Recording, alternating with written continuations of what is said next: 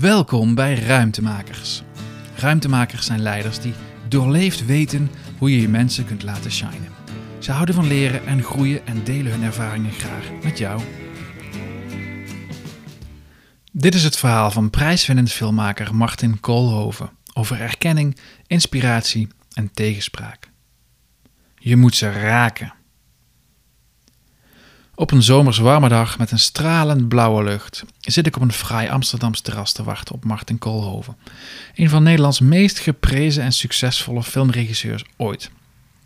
Als onbenul van buiten de ringweg A10 heb ik geen flauw idee bij wat voor etablissement Martins agent de afspraak voor ons geregeld heeft. Maar al gauw zie ik dat het een plek is waar je gezien mag worden. Ik meen toch snel een paar bekende tv-hoofden te herkennen. Martin zou best voor bekend tv-hoofd door kunnen.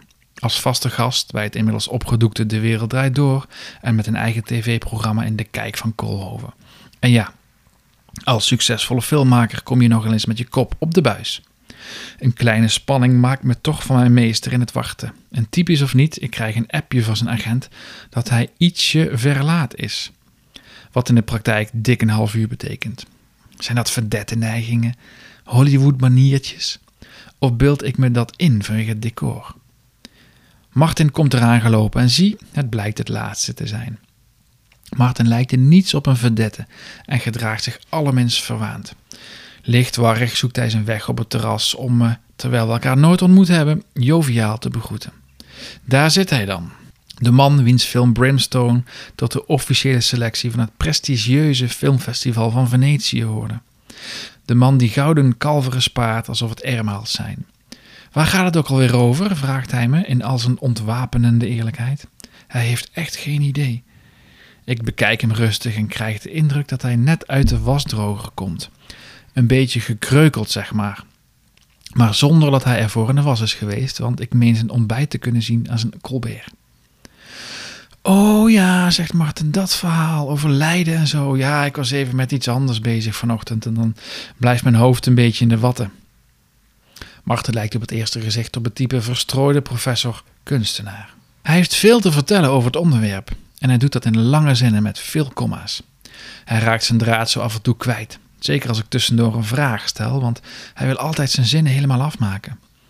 Ergens lijkt hij heel zeker van zijn zaak en tegelijkertijd ook weer niet. Hij zegt: Omdat ik twee jaar geleden werd gevraagd voor een leiderschapsseminar, heb ik toen voor het eerst nagedacht over hoe ik leid. En sindsdien vind ik het wel een boeiend onderwerp. Dat blijkt ook, want als enige van iedereen die ik interviewde over dit boek, vraagt hij naar wat de anderen te zeggen hadden. Martin schetst me een beeld van de filmwereld.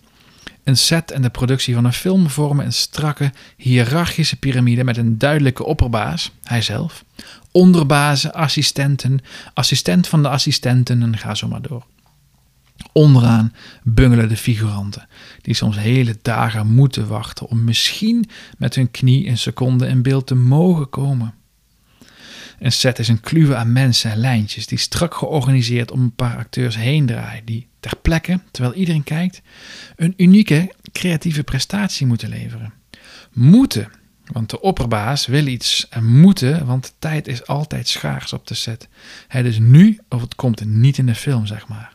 In het echt botst dat ook, zegt Martin. En dat is dan mijn uitdaging om dat voor elkaar te krijgen met die acteurs.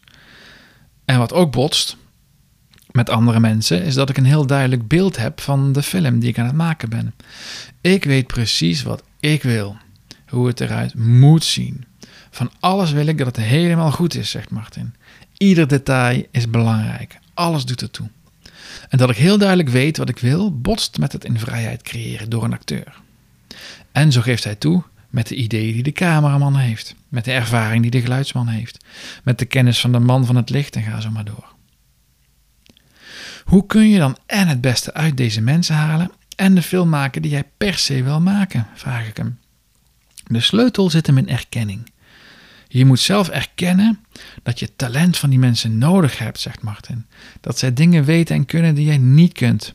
Zij zijn beter in wat zij doen dan jij. In hun vak weliswaar, maar toch.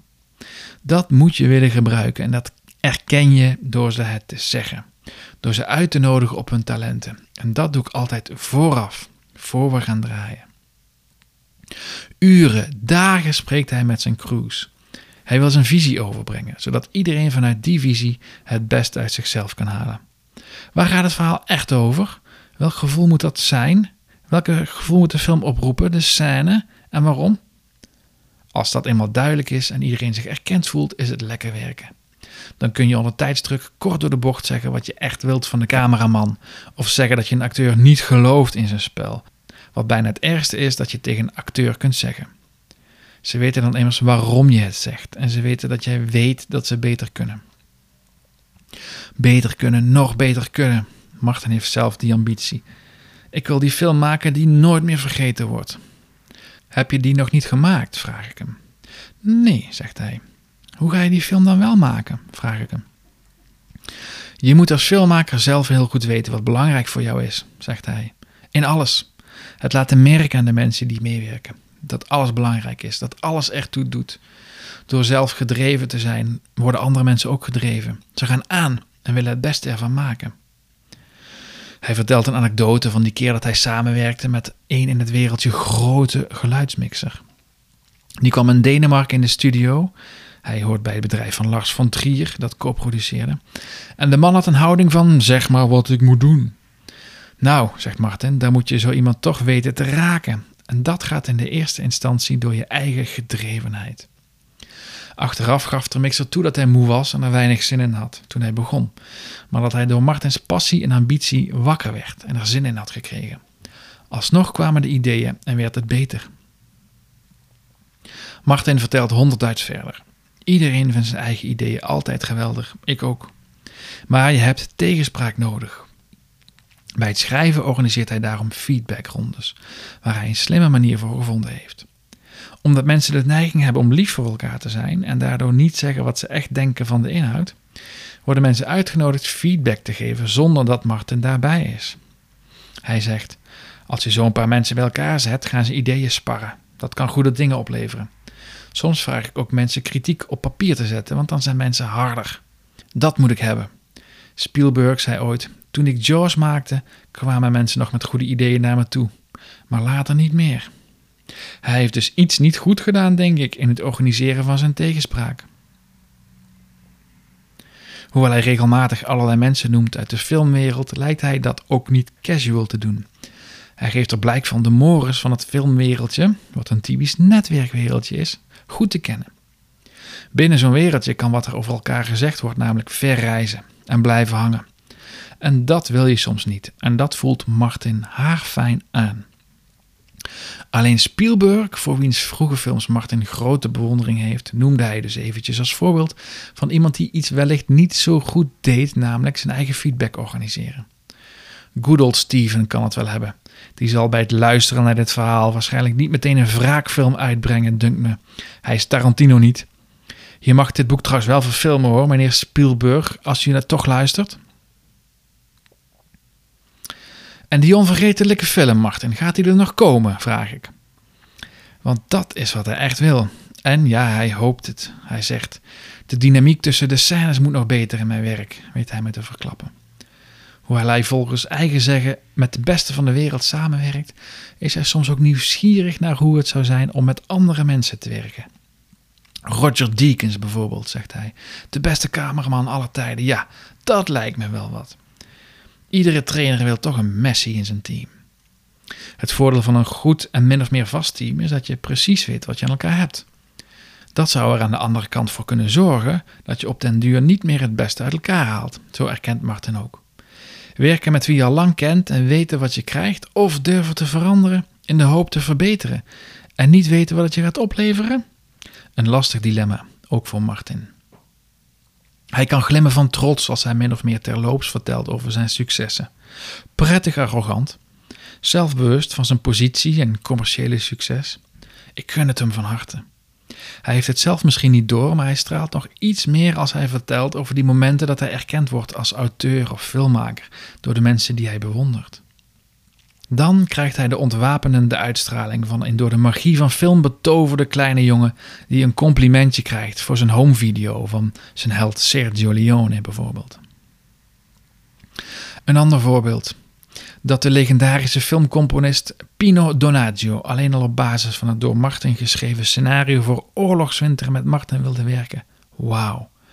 Dat Tom Holkenburg, alias Junkie XL, die voor grote films als Batman muziek maakt, hem benaderde om de muziek van Brimstone te mogen doen en niet andersom. Die erkenning, dat is voor hem misschien wel de onzichtbare kroon op het werk van Koolhoven. Ertoe doen als kunstenaar. En dus niet vergeten worden. Misschien zit daar voor hem de sleutel in het maken van die ene onvergetelijke film. Werken met nog meer mensen die hij zelf bewondert. Want Martin groeit van hun erkenning. Een deel van zijn succes zit hem erin dat hij het geheim van erkenning goed kent. Hij zegt: Je moet mensen erkennen voor hun eigen idee, voor hun persoonlijke inbreng. Niet omdat ze een opdracht van jou goed uitgevoerd hebben, zegt hij daarover. Je voorkomt er inderdaad het braaf Vicky-effect mee als leider. Hij weet iedereen op de set te erkennen. Hij luncht met figuranten, zorgt voor lekker eten. Hij blijft hangen na een draaidag en is aanspreekbaar en benaderbaar voor iedereen. Hij bleek zelfs benaderbaar voor mij, terwijl ik een boek aan het schrijven was. Ik, de schrijver die stiekem nu ook begint te hopen dat Martin zijn geschrijf ook weet te waarderen. Erkend mogen worden door mensen die je bewondert en daarvoor je best doen is aanstekelijk en maakt dat je nog beter je best gaat doen. Zo kan ik nu beamen met dit verhaal. Wil je meer verhalen, ideeën of de diepte in? Koop dan het boek Maak ruimte en laat je mensen shinen op julesmartin.nl. Dat is mijn website. Of word lid van een ruimtemakersgroep bij jou in de buurt. Kijk daarvoor op ruimtemakers met Wees welkom.